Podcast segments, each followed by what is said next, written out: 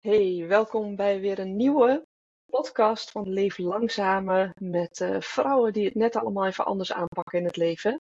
En die ons en misschien jou ook wel een tikkeltje daarmee kunnen inspireren en, en eh, jou op, uh, op mooie gedachten kunnen brengen. Nou, bij mij is een naamgenoot. We zijn allebei helemaal flabbergasted dat we allebei dezelfde namen in beeld zien. Als we elkaar mailen, dan krijgen we al bijna helemaal iets, een error in ons hoofd. We denken, hoi Meike, uh, dat ben ik toch zelf? Dus uh, ondertussen vinden we het ook allebei wel heel erg gaaf. Dus um, welkom Meike. Um, Meike die heeft tien jaar geleden alweer een groot deel van een pelgrimstocht gelopen richting Rome. Daarover gaat ze straks van alles vertellen. En het mooie was van die pelgrimstocht dat uh, dat toch wel voor een ommekeer in haar leven heeft gezorgd. Meike, stel jij jezelf ook eens eventjes voor. nou hoi, ik ben dus Meike. Uh, ik woon in het mooie Drenthe met mijn vriend en zoontje van 2,5. Um, ik ben wat ze zeggen een oude moeder. um, en ik uh, heb de switch gemaakt van uh, jurist naar outdoor life coach. Dus ik werk nu uh, voornamelijk buiten met mooie vrouwen. die ik naar meer verbinding met zichzelf en de natuur mag helpen. Zodat ze meer vanuit hun hart kunnen leven. En daardoor vrijer en natuurlijker kunnen leven. Ja. Fantastisch. Niet alleen onze namen passen bij elkaar, maar dat wat we doen past ook gewoon echt bij elkaar. ja. Kom door de naam. En, ja. En en uh, hoe is dat zo gekomen? Vertel eens eventjes. Je bent eerst ben je rechten gaan studeren, alweer uh, way back. Ja. en, en, en hoe is dat verder verlopen? Je bent gaan studeren en daarna? Um, nou, eigenlijk dacht ik in mijn studio, hier wil ik echt nooit in komen te werken. Um, maar goed, ik heb wel uh, tien jaar als freelance jurist gewerkt. Um, voor overheden en aannemers. Mm -hmm.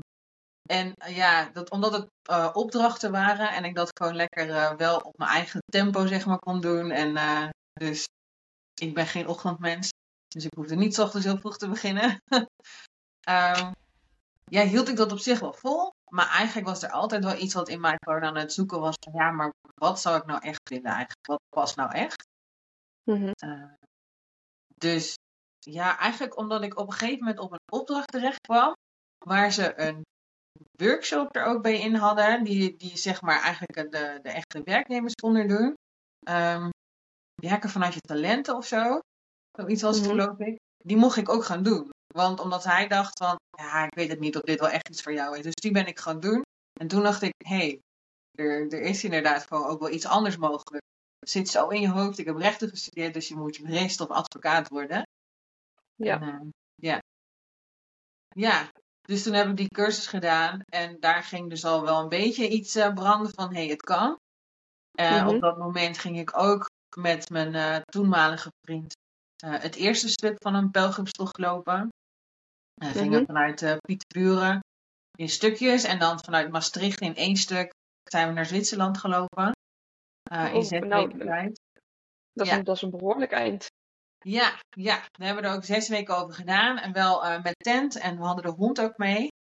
Mhm. Uh, ja, dat was wel echt gewoon heerlijk. Toen dacht ik wel, oh, ik, ik zou wel altijd willen lopen. Want ik had ook gewoon nerg, ik had ook heel veel fysieke klachten gekregen door dat werk eigenlijk. Dat, um, ja, ik had altijd last van mijn rug. Ik was altijd misselijk. Ik kon een heleboel dingen ondertussen niet meer eten. Omdat ik er gewoon echt ziek van werd. Um, Jeetje. ik had gewoon ook best wel nou, ik was best wel donker eigenlijk in mijn gedachten en zo. En die Mm. zes weken dat we daar liepen, had ik nergens last van. Want ik tilde een rugzak van 18 kilo. En ik had gewoon, Oh. alleen de eerste week dan was wel echt uh, afzien. Heb ik gewoon echt wel Mhm. vier keer per dag mijn tas in en uitgepakt. Omdat ik dacht dat hij goed ingepakt zat. Mhm. Maar na een week voelde ik hem niet meer. En ik had gewoon nooit van mijn rug. Ik was niet misselijk. Ik kon alles eten. Ja, En, en hoeveel kilometer liepen jullie op een dag? Want had je getraind van tevoren? Of?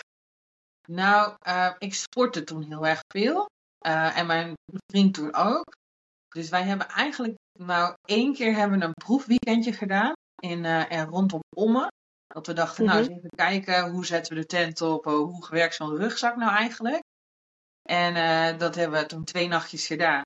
En toen zijn we daarna zijn we eigenlijk gewoon gaan lopen. Dus daarom denk ik ook dat die eerste week ik gewoon echt wel vier keer per dag dus mijn rugzak in en uit pakte. Omdat ik dacht, ja. ik heb het vast niet goed gedaan of zo. Want hij voelt zo zwaar. maar goed, ja. het was natuurlijk 18 kilo. Ja, we liepen tussen de 20 en 25 kilometer op een dag. En er waren ook wel dagen bij dat je er 18 liep. Want dan ja, had je wat meer heuvels en zo. En bergjes. En we hadden ook wel dagen dat we er 34 liepen.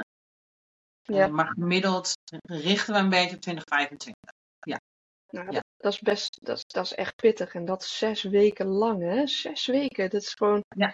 Hoe kun je zes weken eigenlijk vrijnemen van je werk? Nou ja, ik was freelancer. Dus Oh ja, ehm, ik kon dat sowieso eh, eigenlijk wel makkelijk doen. En Mhm. ehm, ja, mijn vriend had gewoon een hele aardige, hele aardige werkgever. Die gaf hem gewoon zes weken vrij. Hij had gewoon vier weken normaal gesproken in een jaar. En eh, hij kon toen, omdat hij zei van ja, we willen dat gaan doen. En dat vonden ze prima. Ja, kreeg hij gewoon ondertaald Oh. verlof, denk ik, een paar weken erbij. Ja, ja, wauw. Ik vind het ook zo bijzonder dat je aangeeft dat je toen je werkte gewoon heel, heel veel voedsel niet meer kon verdragen. En dat je Ja.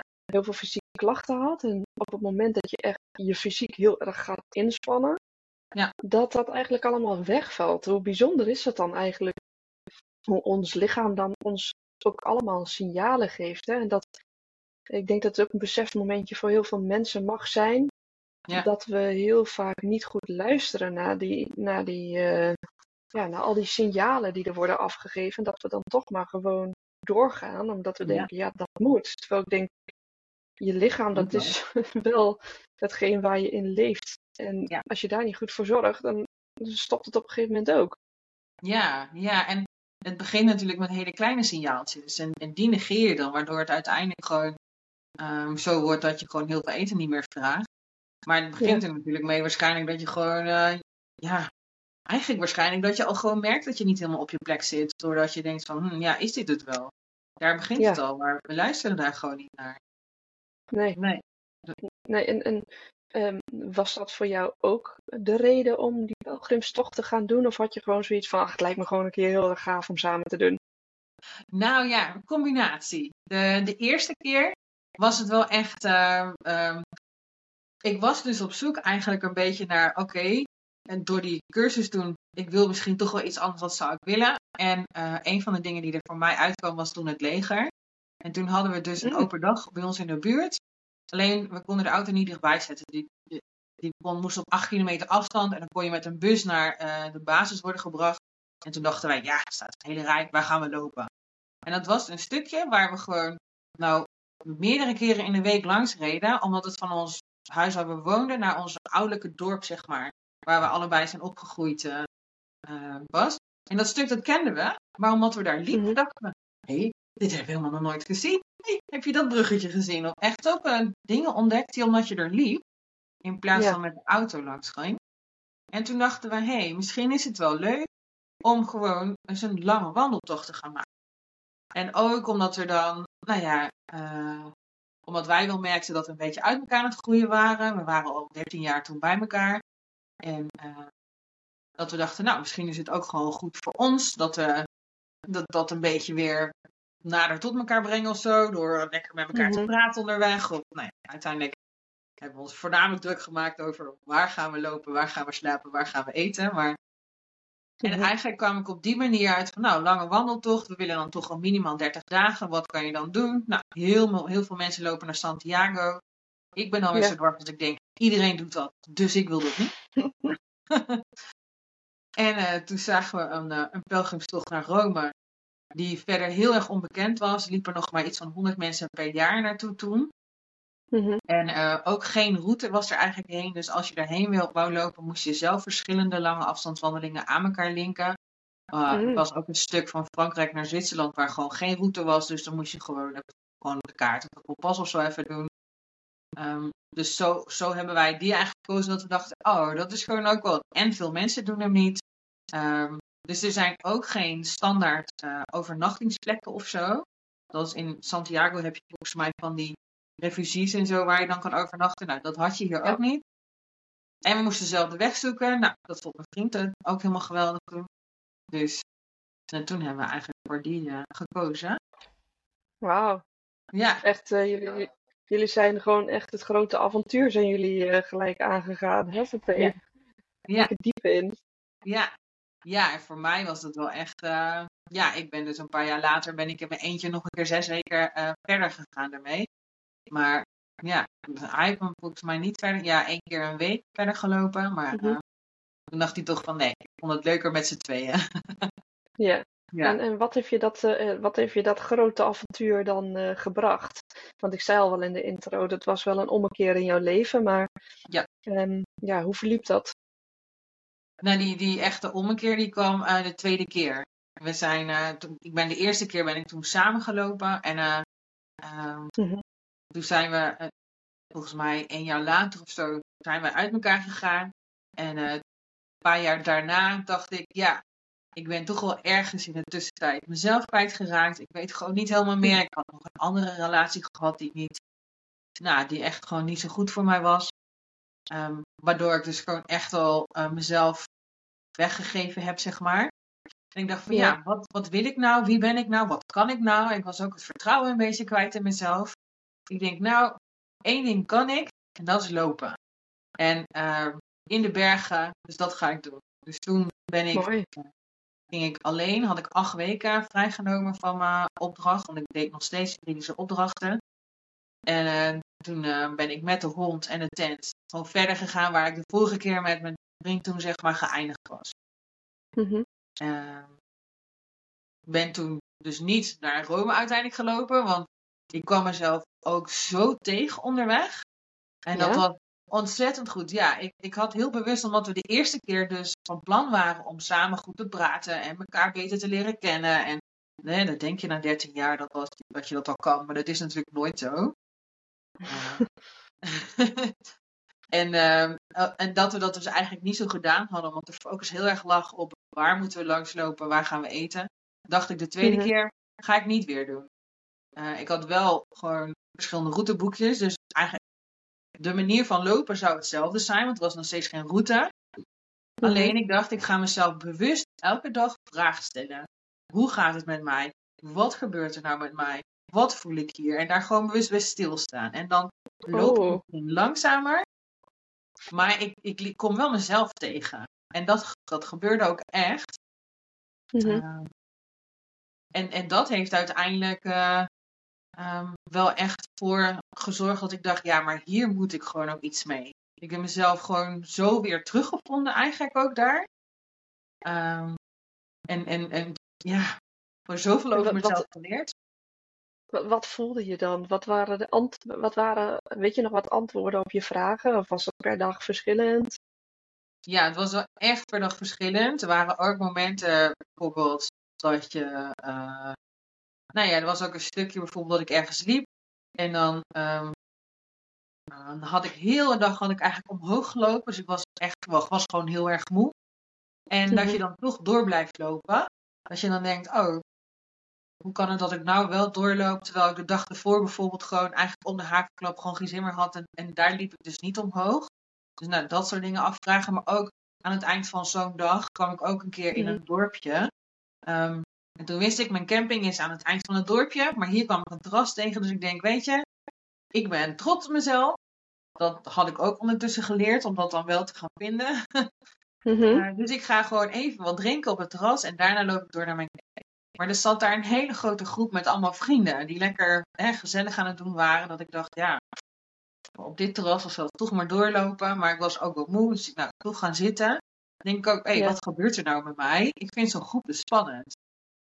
Uh, uiteindelijk was het super gezellig, want die mensen vonden het alleen maar interessant. Dus die kwamen erbij zitten en die gingen allemaal vragen stellen. En uiteindelijk ben ik nog met hun mee geweest naar een feestje en hebben ze mij uh, geholpen de tent op te zetten en zo. Dus, Oh, wauw, heel onverwachts. ja, dus dat ging al. Dus dat ik ook daarna weer de volgende dag dacht van hé, hey, dus ik heb angst voor grote groepen mensen, omdat ik dan bang ben. Wat vinden ze van mij? En je loopt er natuurlijk niet helemaal uh, netjes bij of zo. Ik had een afritsbroek aan, want dat is een lange Ja. broek en een korte broek in één. En Ja. dat had ik zes weken aan, dus dat zag er natuurlijk niet meer uit.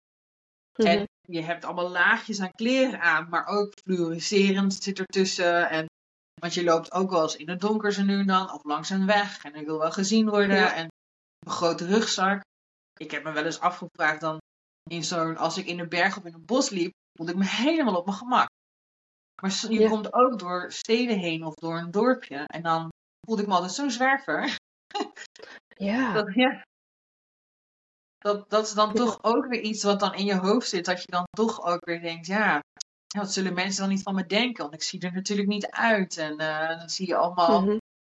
vrouwen voorbij lopen die mooi gekleed zijn. En dan loop jij daar in je kloffie met je enorme rugzak. Die, ja, nou ja, na vier weken is hij toch wel een beetje smoeselig geworden ondertussen. En je was je kleren wel, maar je rugzak niet. Dus ja, allemaal Nee, dat soort vragen krijg je. Wat doet dat hoofd dan veel met je? Wat, dat is constant bezig. Constant Dus, bezig. eh, Ja. Constant aan het wikken, wegen, oordelen. eh, je een bepaalde richting op te duwen, af te vragen. Het is echt, eh, Ja. het is echt een marathon. Wat het Ja. hoofd gewoon overdag soms doet, hè? Ja, het is echt doodvermoeiend. Ja. Ja, ja, doodvermoeiend. En ik denk dat als je stil bent, net als bij een wandeltocht, hè, dan ben Ja. je gewoon stil en heel erg met jezelf bezig, dat je dan wel echt mee geconfronteerd wordt met wat dat hoofd allemaal met je doet. En dat je dan Ja. ook echt eh, dat gaat zien en ervaren en voelen. En ja, ook wat dat iedere keer weer met je doet in zo'n dorp, eh, in een bos. Wat voor verschillen dat allemaal met zich meebrengt, hè? ja, want de grap is dat, Ja. ehm, ja, dat, dat mensen denken dat je dan bijvoorbeeld in een bos het juist spannend vindt en in een dorpje voor Ja. veilig voelt. En ehm, dat, dat dacht ik van tevoren eigenlijk denk ik ook wel. Maar voor mij was het dus juist andersom. En dat zou ik hier nooit door hebben gekregen, omdat je bent hier zo druk met alles bezig. En je moet van alles, je moet in Ja. dingen heen, je moet dingen regelen en zo. En dus je hebt gewoon de helft van de tijd niet door wat je hoofd allemaal tegen je zegt en zo. En Precies. nu weet ik, ik moet gewoon echt bewust stilte om me heen creëren. En ehm, gewoon even de tijd en de ruimte nemen om te horen wat er gebeurt. En dat, dat kan gewoon al heel kort zijn eigenlijk. Maar door gewoon Mhm. net even je pas te vertragen bijvoorbeeld of zo. Ja. Maar anders ga je daar compleet aan voorbij. Ja, Ja, maar precies. zelfs Dan krijg je wandeling. Mhm. Ja, ik zeg, en, dan, en anders krijg je deksel wel op je neus eh, s s'nachts of eh, op momenten waarvan je denkt, oh, nu wil ik juist rust, maar dan, dan, dan, dan, grij- dan grijpt het je juist, zeg ik dan maar altijd. Ja. Ja. ja, en ik denk dat dat ook in een wandeling bij mij wel, denk ik, is gebeurd. Een soort van. Ehm, want ja, ehm, want er was ook een moment dat ik dacht van, eh, ik wil niet meer lopen eigenlijk. Ik ben het Mm. eigenlijk wel zat. Maar dat was ook meer omdat we liepen veel langs de weg. En mijn hond die had er wel echt heel erg moeite mee. Die, die was 12 jaar oud. En het was Mhm. heel erg warm, want ik was natuurlijk midden in de zomervakantie gaan lopen, juli, augustus. En ik was Yes. ondertussen, ja, lekker heet. en ik was ondertussen zeg maar al Italië ingegaan. Dus dan kom je op zo'n hele grote open vlakte uit. En dus je hebt ook geen schaduw meer van de bomen en de bossen in de bergen. Mhm. En ja, ja dat ik dacht, wil ik dit? Vind ik dit wel leuk? Waarom doe ik dit eigenlijk? Mhm. En eh, ik denk dat ik daar die weken ervoor, dat was denk ik na 2,5 week of zo, ook wel toch een beetje aan voorbij was gegaan. Omdat je toch, het is dan toch weer allemaal nieuw en spannend. En je hebt leuke dingen kom je tegen, zoals die mensen die je dan uitnodigen en zo. En, en zo waren er wel meer van dat soort gevallen. Mhm. En eh, dat je dan toch ook weer voorbij gaat aan, oké, maar waarom loop ik hier? Waarom loop ik dit tempo? Want eh, ik liep ook toen weer 20, 25 kilometer per dag. Terwijl ik Mhm. eigenlijk langzamer wou lopen, omdat ik al die vragen wou hebben.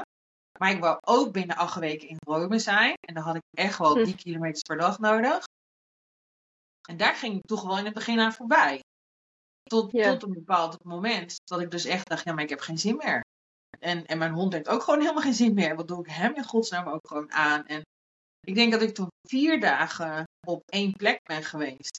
En gewoon Mhm. ehm, ergens mijn tent wel op een camping op dat moment had neergezet. Maar er was echt zo'n heel klein dorpcampingje. En ik ging elke keer naar dezelfde plek in het centrum. En daar gewoon maar op een bankje zitten de hele dag. Ik heb Mhm. zelf letterlijk op mijn hoofd gestaan. Hoofdstand en handstand gedaan en zo. Om dingen van een andere kant te proberen te bekijken. Serieus? Ik zat gewoon echt vast en denk, ja, maar wat wil ik nou? Ik had Ik had mezelf zo voorgenomen en zo tegen iedereen gezegd. Ik ben over de acht weken in Rome en dan heb die hele pelgrimstocht af.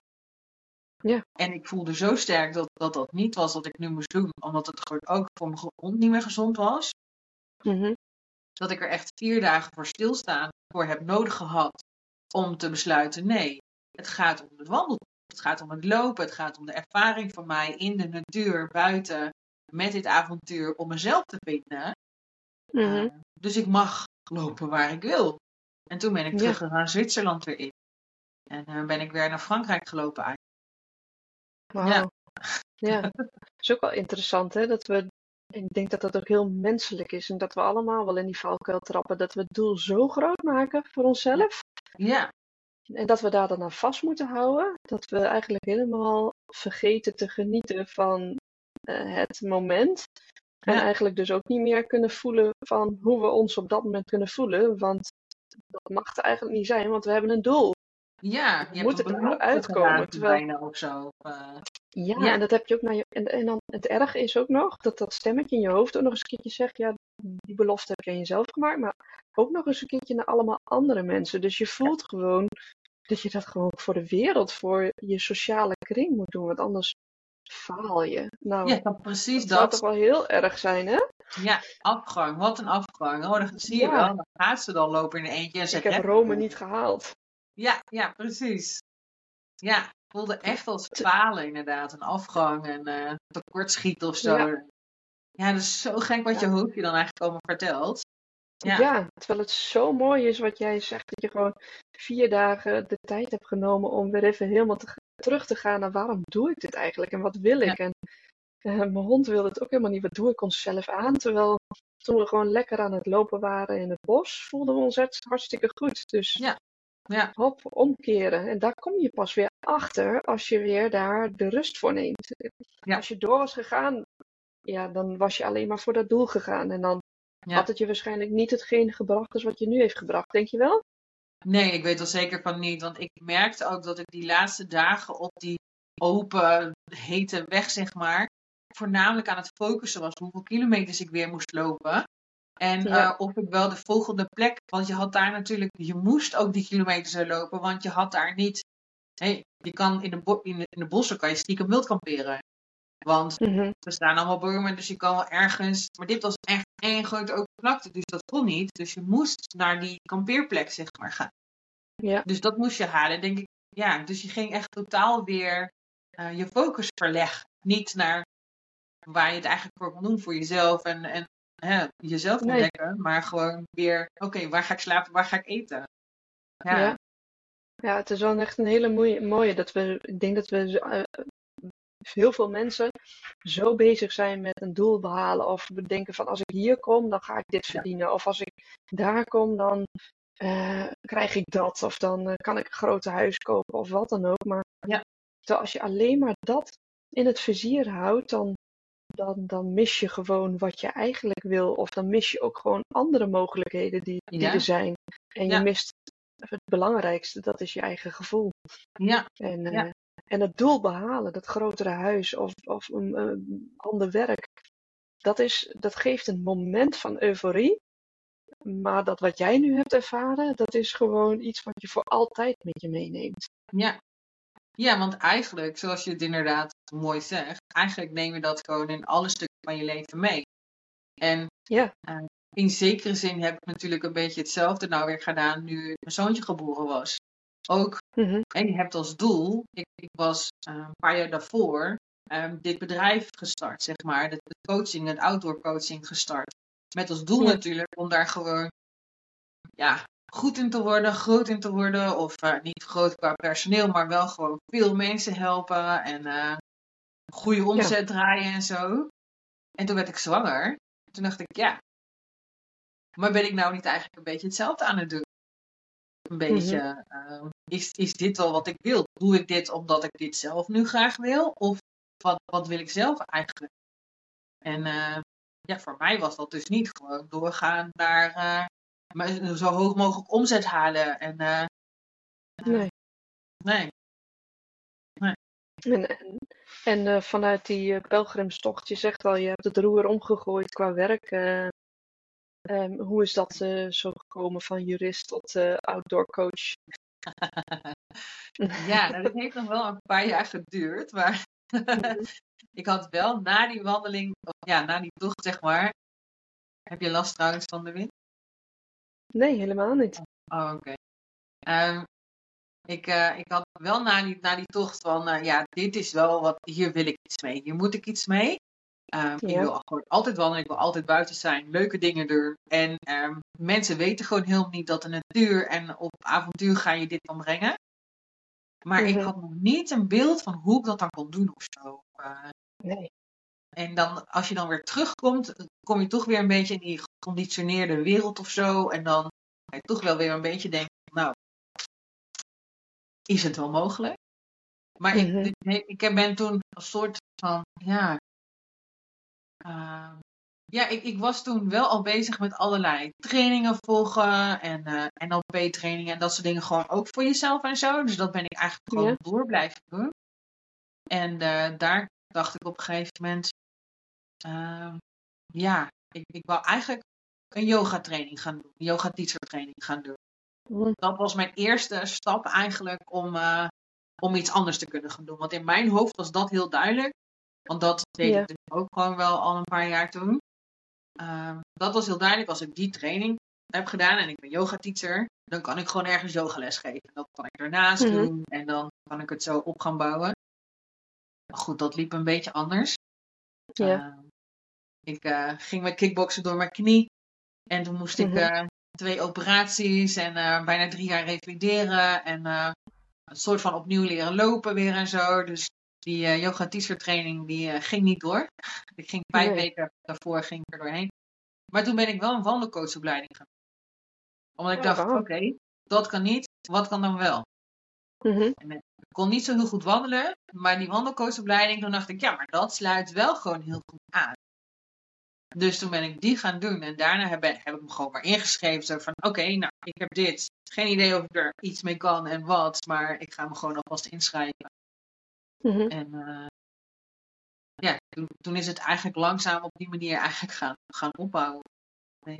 Ja, en wat ik me dan afvraag en wat ik me kan voorstellen dat andere mensen zich ook afvragen. Hoe doe je dat dan financieel? Ik bedoel, uh, je was freelancer. Als je dat niet meer deed en je wilde een andere kant op, hoe, ja, hoe ja. bedrijf je dat dan? Nou, ik heb het eerst een tijdje dubbel gedaan. En um, mm. ik denk dat, dat we niet mogen vergeten dat ik als jurist echt heel erg veel geld verdiende. Um, dus dat scheelde natuurlijk ook gewoon wel. Dat toen ik um, vier dagen in de week opdrachten deed, verdiende ik gewoon echt wel 8000 euro in de maand. Ja. En dus toen ik op een gegeven moment de coaching opgestart was, toen heb ik in 2017 heb ik nog wel opdrachten gedaan. Maar ook al niet meer, toen deed ik ze voor twee dagen in de week. Dus, maar met twee dagen in de week verdiende ik ook gewoon nog geld. En ik woonde gewoon in een huurhuisje. En, dus ik had niet heel veel nodig. Dus ik had wel een beetje een buffer gebouwd. En in 18 en 19 heb ik ook nog wel een opdracht gedaan. Maar dat was drie maanden. En beide jaren heb ik drie maanden nog zo'n juridische opdracht gedaan. Um, ja. Waardoor ik zeg maar wel nog een beetje achter de hand had. Maar weer niet genoeg om echt van te kunnen. Dus je moet wel ook iets uit de coaching halen al en zo. En ik ben mm -hmm. daar volgens mij in uiteindelijk halverwege 2018 ben ik echt met de coaching gaan starten. Dat ik iemand ging coachen. Ja. Ja. Dus een beetje fade in, fade out en zorgen voor genoeg buffer, zodat je ook dat zo een beetje in elkaar over kan laten lopen. Maar ja. dat je op een gegeven moment ook wel die drempel over moet. En hoe, hoe kwam jij aan, uh, aan, aan mensen om te gaan coachen? Want dat was natuurlijk een compleet nieuw speelveld voor je. Ja, nou ja, daar heb ik me ook wel verkeken in het begin. hmm. Ook omdat ik dacht van ja, ik ben al tien jaar freelancer. Dus ik vind al tien jaar lang allemaal opdrachten als jurist en zo. Dus dan moet ik dit ook wel kunnen. En het ja. is wel echt heel erg ander werk. ja, ja. Um, dat was echt niet te vergelijken. Dus ik denk dat het daar ook wel een jaar of zo geduurd heeft voordat ik echt wist van oké, okay, hoe werkt dan marketing en dat soort dingen. Maar mijn eerste klant die kwam van Bali. Tenminste, zij woonde gewoon ook in Nederland hoor, maar ik was toen op Bali en daar leerde ik haar kennen.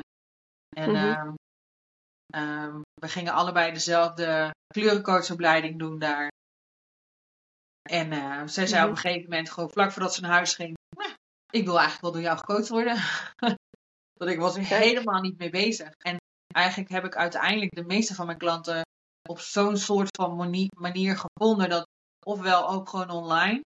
Maar Mhm. dan wel doordat ik er niet per se heel erg mee bezig was. Zijn genoeg.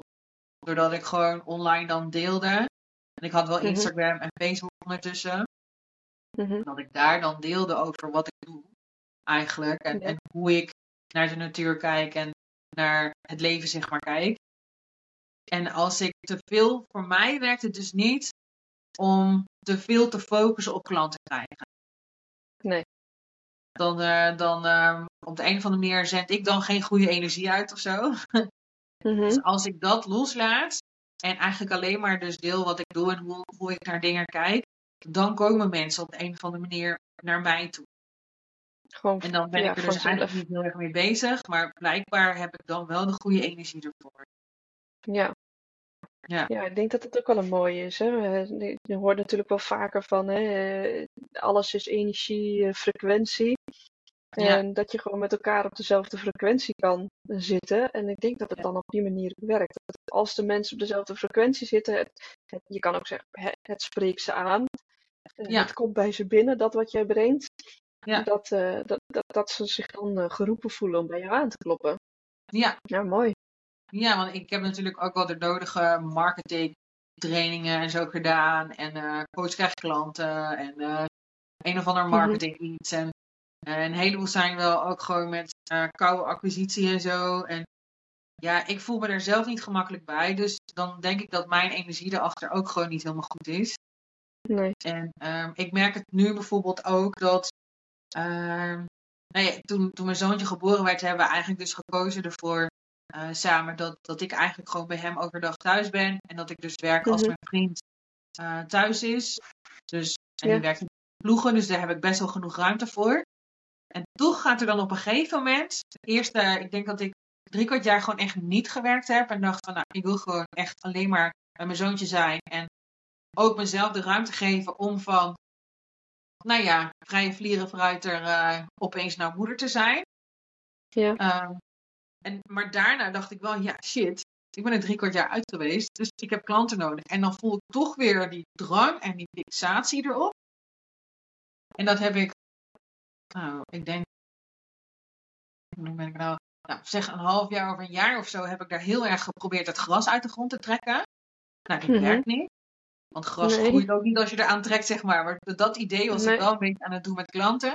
En toen heb ik een soort van sabbatical voor mezelf ingesteld. Uh, Mhm. Dus niet een sabbatical dat ik gewoon dus weer niet uh, niks zou doen. Maar een sabbatical, ik hoef geen geld te verdienen. Mhm. Um, en ik hoef geen klanten aan te trekken. Met het idee Mhm. dat ik dus daar niet de fixatie op heb. Maar dat ik gewoon alleen maar zou gaan doen wat ik leuk vond om te doen. En dat is wel degelijk ook gewoon dit werk. En Ja. wel degelijk ook gewoon met mensen bezig zijn. Um, maar niet vanuit het gevoel dat het moet, omdat ik geld nodig Ja. heb. Zo. Eigenlijk heb je hetzelfde gedaan als die vier dagen op de camping. Eigenlijk Toch? wel. Ja, Gewoon weer stilstaan en gewoon. Maar het is dus niet zo dat je niks deed. nee. Want ik heb eigenlijk nog steeds voor mezelf dat sabbatical. Want blijkbaar heeft mijn hoofd dat ook nodig. Om die fixatie niet te hebben. Maar nee, ik Mhm. heb ja, juist hartstikke veel gedaan. Ik heb denk ik nog wel meer gewerkt eigenlijk als uh, het jaar daarvoor. Ja, Want, misschien ben je uh, gewoon heel veel meer gaan delen, veel meer gaan wandelen, veel meer investeren Ja, in jezelf en dat delen. Ja, ik, ik ben ook serieus. ehm, we zijn heel veel op markten en festivals gaan staan met, uh, met natuurcadeautjes die ik ben gaan maken. In de, Mhm. Toen ik zwanger was, zeg maar, ben ik daarmee begonnen. En in dat sabbatical dacht ik, hé, hey, maar ik vind rommelmarkten leuk om op te staan. Wie weet Mhm. kan ik het ook wel met dit soort dingen. En dus toen zijn we gewoon spirituele markten en zo en, uh, op gaan zoeken. Ehm, nou, dat blijkt ik hartstikke leuk te vinden. Dus dat is uh, Ja. een goede set geweest.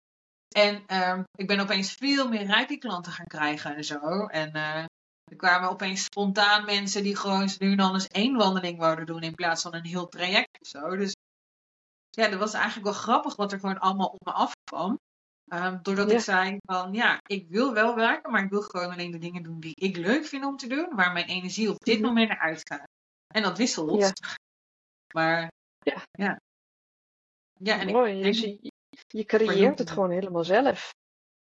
ja, maar ik denk dat dat voor iedereen eigenlijk wel eh, zo zou moeten kunnen. Nou heb ik wel natuurlijk de mazzel dat wij kunnen rondkomen van het loon van mijn vriend. Mhm. Maar ehm, ja, daar hebben we ook wel, daar heb ik het met een vriendin ook wel eens over, die eigenlijk in eenzelfde situatie zit. Het is wel een keuze die we maken, want we hebben niet Ja. heel veel geld, zeg maar, of zo. Het is niet dat we het Nee. heel ruim hebben, maar het is een keuze. En dan heb je waarschijnlijk ook eh, bewust gekozen voor hoe je woont. Of hoe, je, hoe vaak je op vakantie gaat. Of wat voor een auto je rijdt, et cetera, et cetera. Ja, wij vinden het belangrijk. Eigenlijk willen we ook nog wel, we wonen nu gewoon in een gewoon, normaal, niet al te groot huurhuis, zeg maar. Mhm. En eigenlijk willen we nog wel kleiner wonen. Ehm, Ja. Dus wij vinden het eigenlijk belangrijker om de ervaringen te hebben en ehm, wel nog de vakanties of de avonturen zeg maar te kunnen doen. Ehm, Mhm. Dan dat wij in een dikke auto rijden of in een heel groot huis. Dat heb ik allemaal Precies. gehad. En ik Ja. ben daar niet gelukkig van geworden. Dus Nee. ja, Sterker nog, ik, eh, ik heb eh, voorheen in, eh, in mijn salesjobs heb ik altijd auto's, de mooiste auto's gehad van de zaak. Ik reed alleen maar nieuw. Ik had Ja. altijd de mooiste nieuwste telefoons, laptops, heel goed gouden kooi salaris. ja, dat. Maar toen ik eenmaal voor mezelf begon, begon en heb gespaard en mijn eigen auto, voor het eerst mijn eigen auto, voor het eerst mijn eigen mobiele abonnement ging betalen. Ik was zoveel gelukkiger daardoor, omdat ik gewoon echt een gevoel had van trots. Dit heb ik gedaan. Ja, Dit heb ik zelf gedaan. Dat was zo lekker. ja. Ja, dat, maar dat is wel echt het verschil. Dat je dan je eigen Mhm. keuzes kunt maken en, en dus ook zelf kunt kiezen. Hier wil ik mijn tijd wel aan besteden en hier niet. Precies. En hier word je ook zoveel bewuster van wat dingen kosten. En dat je daar allemaal keuzes in kan maken. Van hé, hey, ik hoef niet altijd eh, aan de snelweg te tanken, want dat is veel duurder. Ik kan ook eh, in een dorpje verderop. En in dat dorpje verderop eh, heb ik ook wel eens gehad. Ik, ik had als gebied had ik Drenthe. Heel fijn.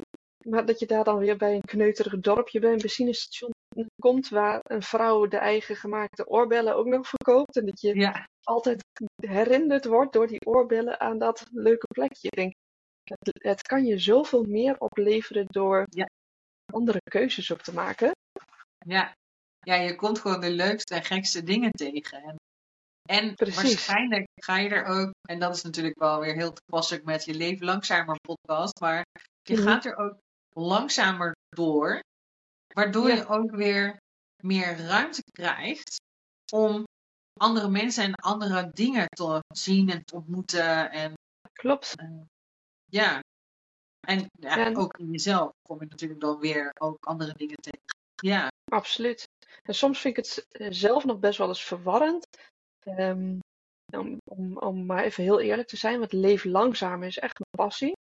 aha. Maar ik ben zelf eigenlijk helemaal geen langzaam persoon. Ik ben eigenlijk een best wel snel persoon. Dus daar zit best wel een tegenstrijdigheid in. ehm, ja, waar ik soms wel eens even last van heb. Dat ik denk van oké. ehm, maar ik zit nu steeds vaker zo, ja, precies wat jij zegt. Als je soms gewoon even de rust neemt en vier dagen op de camping gaat zitten of even in de natuur gaat wandelen, kom je veel beter tot een beslissing, waardoor je daarna gewoon je snelheid weer kan oppakken. Ja. Ik denk, zo zie ik dat leven langzamer veel meer. Ja. Ja. Ja, dat, dat is het denk ik ook eigenlijk wel. Dus het hoeft niet altijd te zijn dat je maar heel langzaam door het leven gaat. Helemaal niet. Maar gewoon Nee. soms even wat bewuster stil te staan bij. Ja, vooral dat inderdaad, ja. Ja, Hoewel ik wel denk Ja. ik vaak de opmerking krijg dat ik misschien langzaam, niet langzaam ben of zo. Want hier gaat het allemaal wel echt heel erg snel. Alleen Mhm. mijn bewegingen zijn vaak weer niet. eh, ik ben serieus wel eens gewoon ergens ontslagen omdat ze het gevoel hadden dat ik niet zo hard Ja. werkte. Dat is een Mhm. uitzendbaantje vroeger. Terwijl ik het werk zeg maar twee keer zo snel deed als die ander waar ik voor inviel. Alleen, ehm, ja, ze hadden niet het gevoel, ik was niet zo gestrest van alles bezig. En dat is denk ik wat in Ah. deze maatschappij, zeg maar, toch wel heel erg, hè, je moet er vooral uitzien en laten zien en doen dat je heel erg druk bent. En dan doe je Ja. het goed. Terwijl het Ja. kan best zijn dat jij veel meer bereikt door gewoon ja, meer erover na te denken misschien wel. Of misschien gewoon het gestructureerder, dus langzamer te doen. En dan, Mhm. dan kom je er misschien uiteindelijk gewoon ook gewoon veel verder mee. Dan dat je jezelf echt helemaal de stress in werkt. Want dat is toch wel, Ja. nou ja, wat iedereen zegt, druk, druk, druk. En Precies. burn-out, dat, zijn, dat is toch ook wel gewoon heel erg, nou, gewaardeerd wordt het bijna haast wel als eh, je Ja, dat dus ook klopt. Terwijl het helemaal niet efficiënt is. Want ja, wie kan er nou echt efficiënt acht uur op een dag werken? Ik denk Niemand. niemand. Dat, Nee. kan je, dat, dat lukt gewoon niet. Maar ga maar eens naar op is- kantoor. Als Ja. mensen op een kantoor werken, die zijn daar acht uur. Ze werken niet Mhm. acht uur.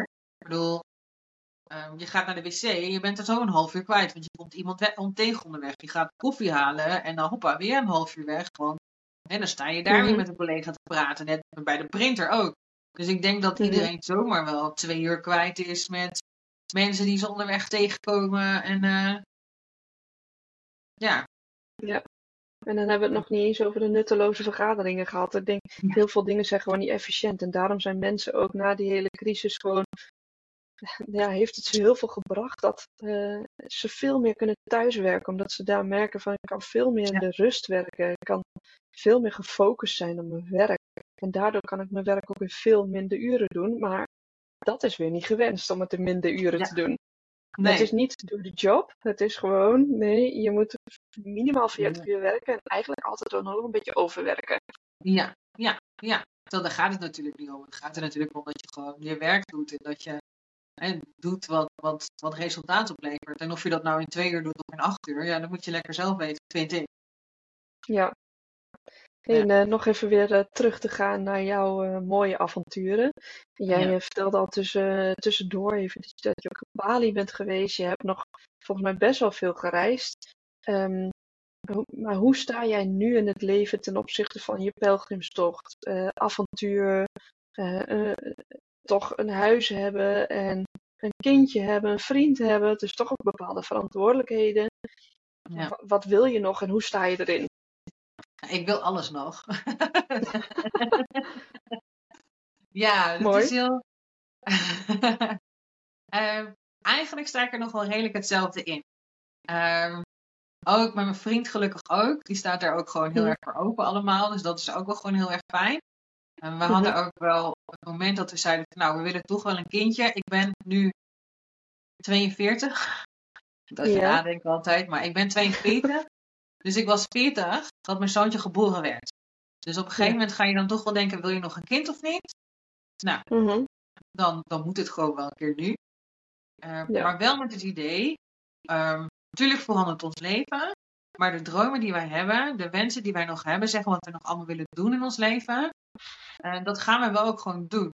Ook omdat wij wel geloven dat ehm, het kindje ons uitkiest, zeg maar. Mhm. Dat het Mhm. zieltje, zeg maar, daarboven een soort van keuze maakt van oké, bij die ouders kom ik terecht om alle dromen die wij hebben, om alles die wij, wat wij nog mogen leren eh, van hem en wat hij van ons kan leren, zeg maar. En dat Mhm. hij op die manier dus ook gewoon bij je past, maar dus ook bij de dromen en de verlangens die je nog hebt. Ja. En dus, hij is ook super makkelijk om mee te gaan overal heen. En eh, we zijn eh, vorig jaar zijn we toen ook met de auto naar Spanje gereden. Zijn we daar drieënhalve week geweest. En hij vindt Mhm. dat heerlijk. Hij is daar echt nog makkelijker dan thuis. Dus Wauw. ehm, En hij hij- slaapt uit, hoorde ik je al zeggen. ja, hij slaapt uit. Ja, het is echt een uitslaper. En hij kan ook super laat naar bed gaan. Dat vindt hij ook gewoon allemaal prima. En ehm, ja, het is gewoon wel echt eentje die gewoon eh, graag bij je is. Dus als jij op avontuur wil gaan of je wil de bossen in of wat dan ook, dan wil hij ook graag mee. Hij is gek op de natuur. Ehm, Mhm. Dus dat is ook. Dus ja, een droom. Ik wil nog steeds die pelgrimstocht afmaken. Mhm. Ik weet niet of ik dat alleen wil gaan doen. Of dat ik dat ehm, met die andere twee, zeg maar, eh, erbij wil doen. Of, eh, dat, weet ik, dat weet ik nog niet. Maar dat wil ik nog wel. En zo zijn er nog wel meer eigenlijk van dat soort tochten die ik graag nog wil maken. En uh, die mijn vriend ook prima vindt om ook te gaan doen. Mm -hmm. dus ja, fysiek en, uh, vind ik daar nu wel, wel weer naar aan toe trainen, zeg maar. Want nu moet ik er wel voor trainen. Dat, maar, ja.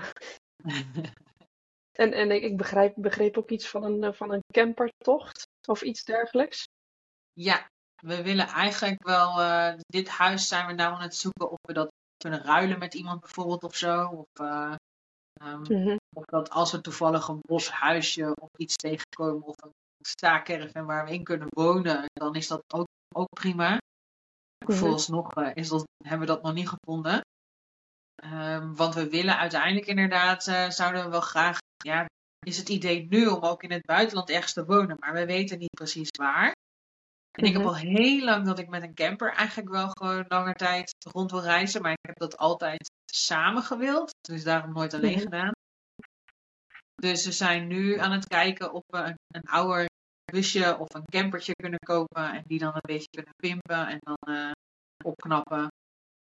En dan ja, langere tijd met zo'n camper weg kunnen.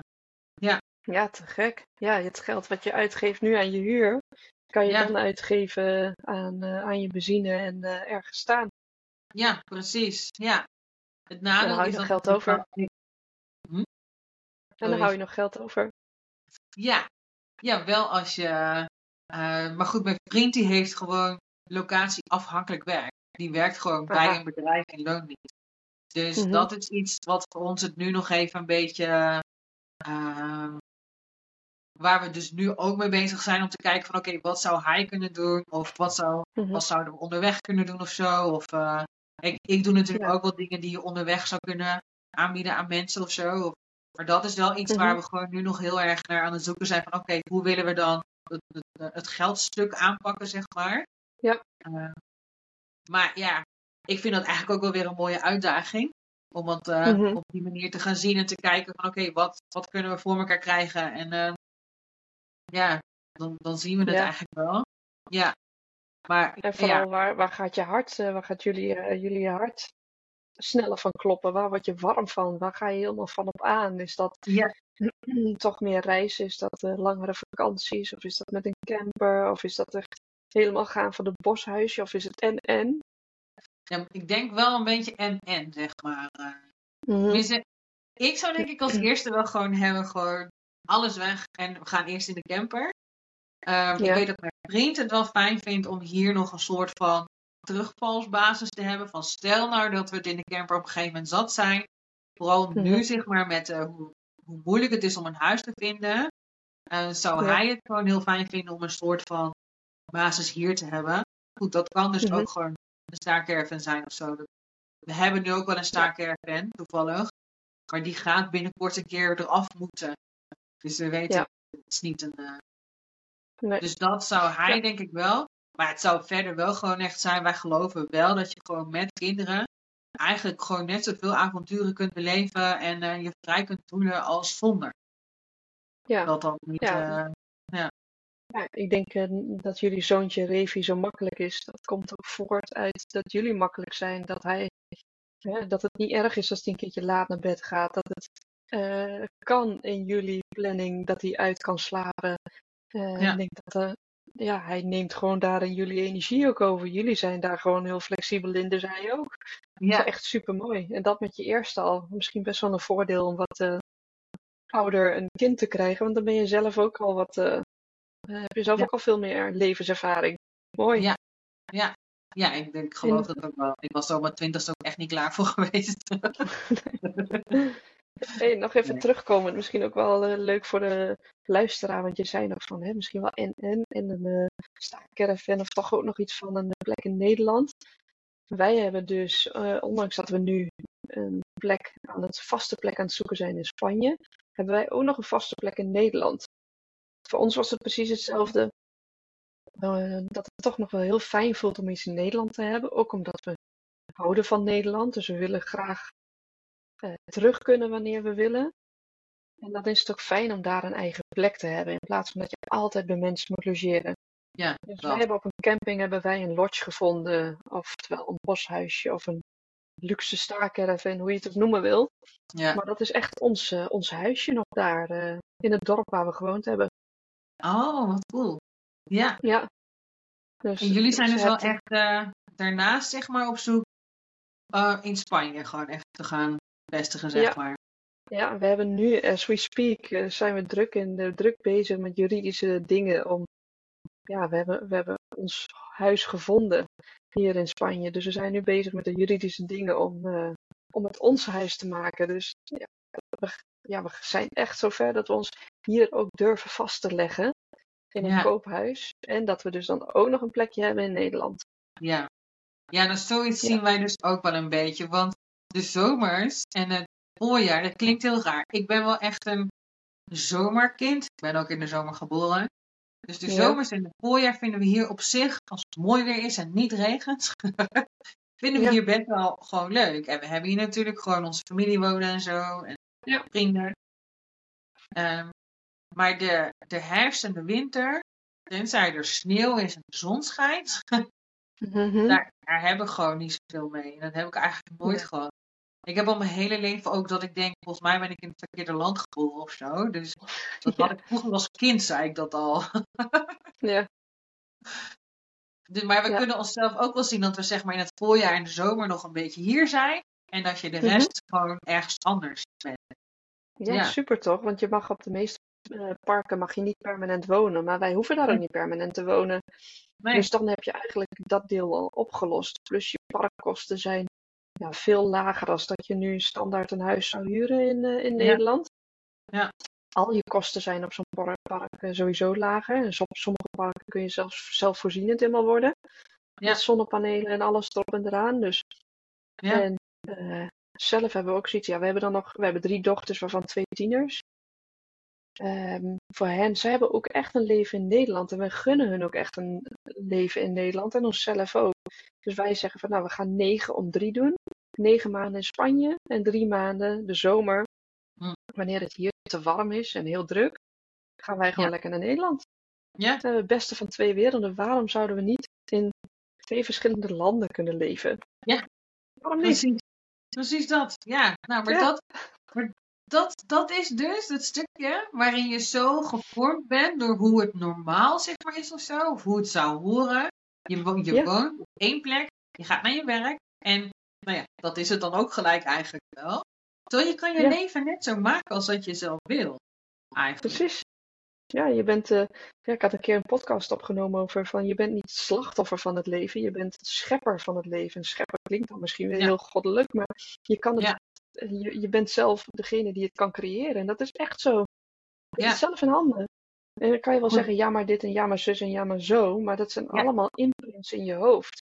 En allemaal keuzes ook. Want er zijn natuurlijk heel veel mensen die dan gaan zeggen van ja, maar hè, jij werkt ook online en je man misschien ook wel geen idee. Dus jullie hebben waarschijnlijk ge- dat jullie inkomen kunnen halen uit.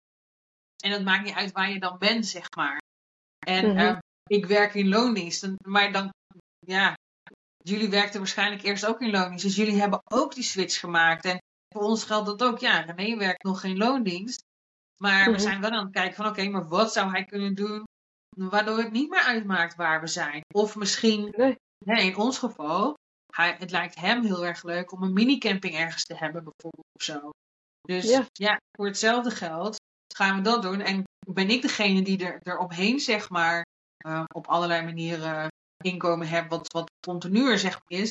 En dat je ergens een Mhm. minicamping hebt bijvoorbeeld of zo. Er zijn zoveel Precies. verschillende vormen om aan inkomen te komen. Maar daar, Exact. Ik denk dat wel de nieuwe generatie, zeg maar. De, oh, dat voelt me echt heel oud nou. Maar dat de nieuwe generatie daar wel anders in staat, denk ik. Absoluut. Ja, die, die Ja. gaan geen vijf dagen meer per week zoeken. Nee, dat gaan ze niet doen. Ik heb het Nee. ooit zes maanden in loondienst gewerkt, vijf dagen. Toen dacht ik, oh hel. Dit is echt gewoon Ja. absolute hel. Dit doe ik nooit weer.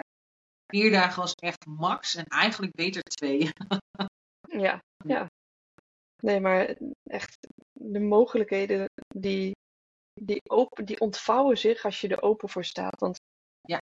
Wat als, dat zei toen een coach tegen mij, hè, we waren bezig met dat hele immigratieproces en daarbij heb ik wat hulp ingeschakeld. Vooral omdat we twee tienerdochters hebben, dat ik dacht, oh, hoe moet dat voor hen? Hè? Ik haal ze uit een veilige omgeving en uh, ze hebben toch al een, heel, een hele leven in Nederland gewoond. Maar toen zei zij van, oké, je hebt nu helemaal een blanco blaadje. En jij mag nu samen met Diederik, allebei apart, mag gaan invullen aan waar jouw nieuwe leefomgeving aan zou moeten, mogen voldoen. Ga maar, ga het maar eens gewoon eens even invullen. Nou, dan, dan kom je A, ook heel erg jezelf tegen. Maar B, er ontstaat in één keer zoveel ruimte waarvan je denkt van, oh, wat kan ik daarmee? Wat moet ik daarmee? Wat wil ik daarmee? Ja, En je gaat in één keer helemaal anders kijken en precies hetzelfde is gebeurd. Ook voor Diederik, die heeft zich helemaal laten omscholen. Die is ook gaan kijken van oké, maar als we dit dan gaan doen, wat wil ik dan? Waar word ik blij van? Ik word er altijd blij van.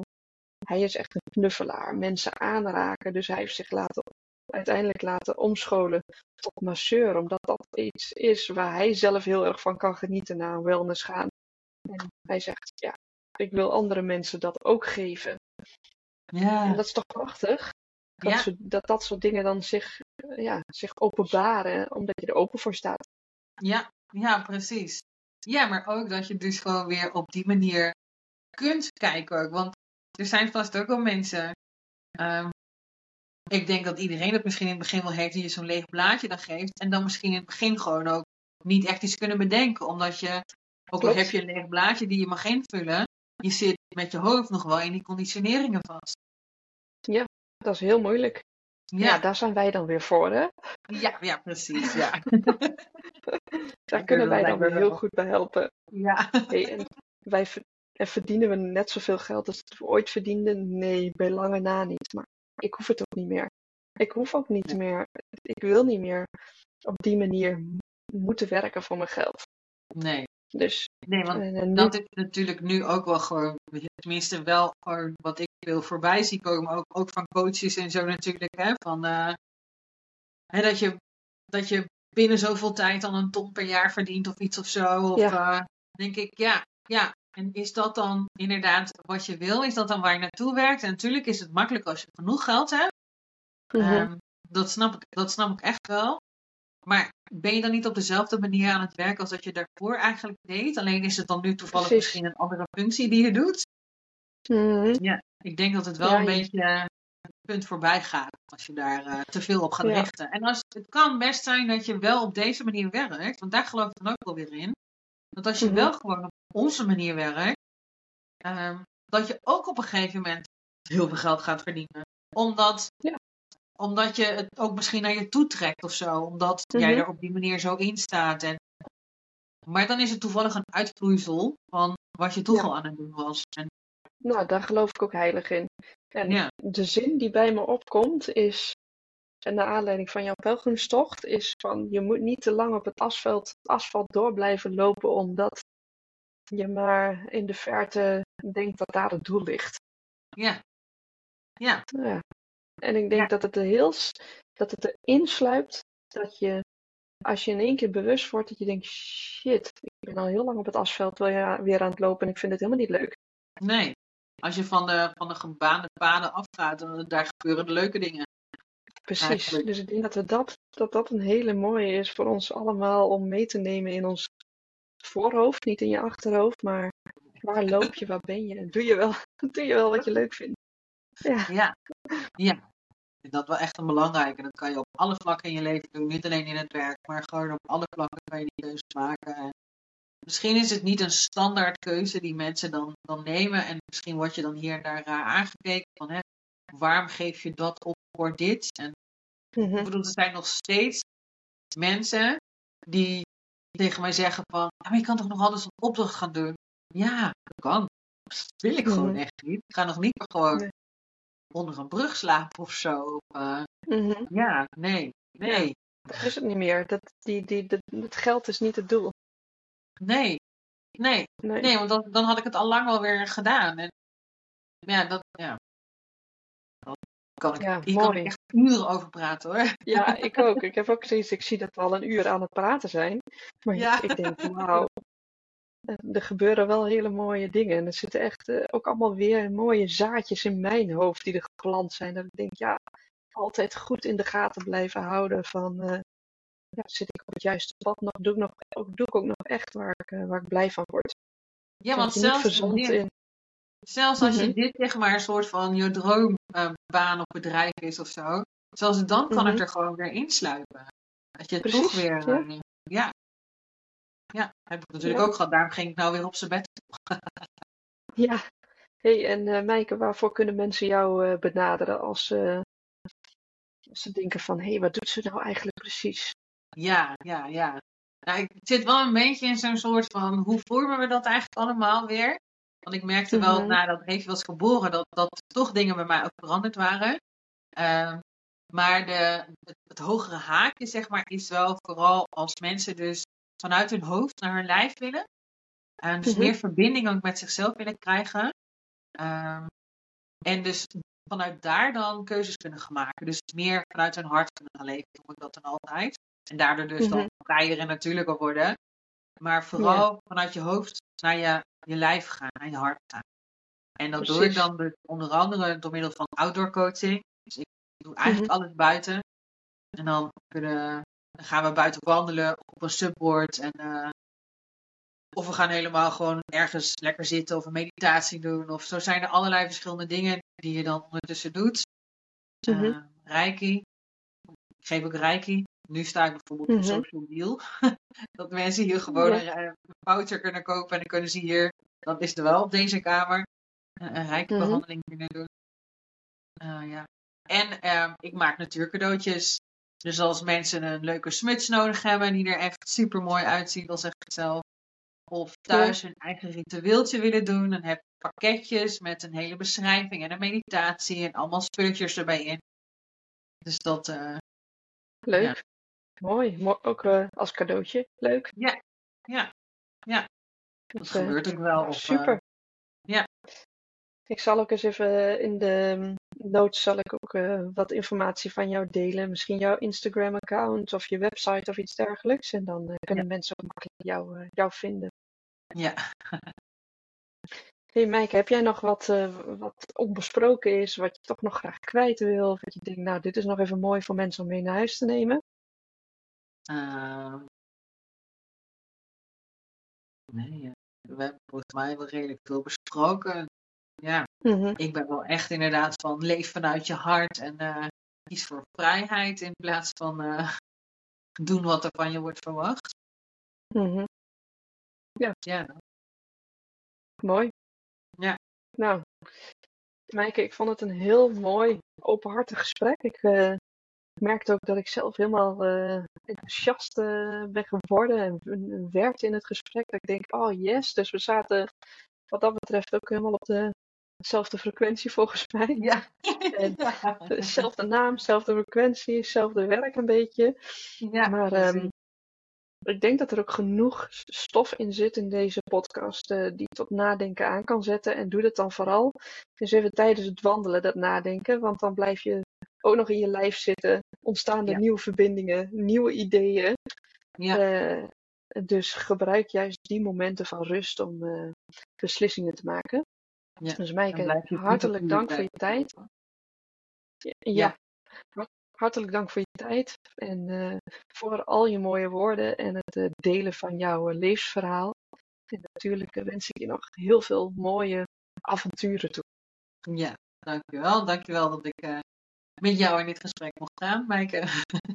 Ja, nou graag gedaan.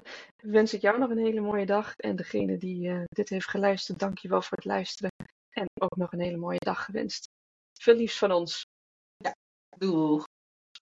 Doeg.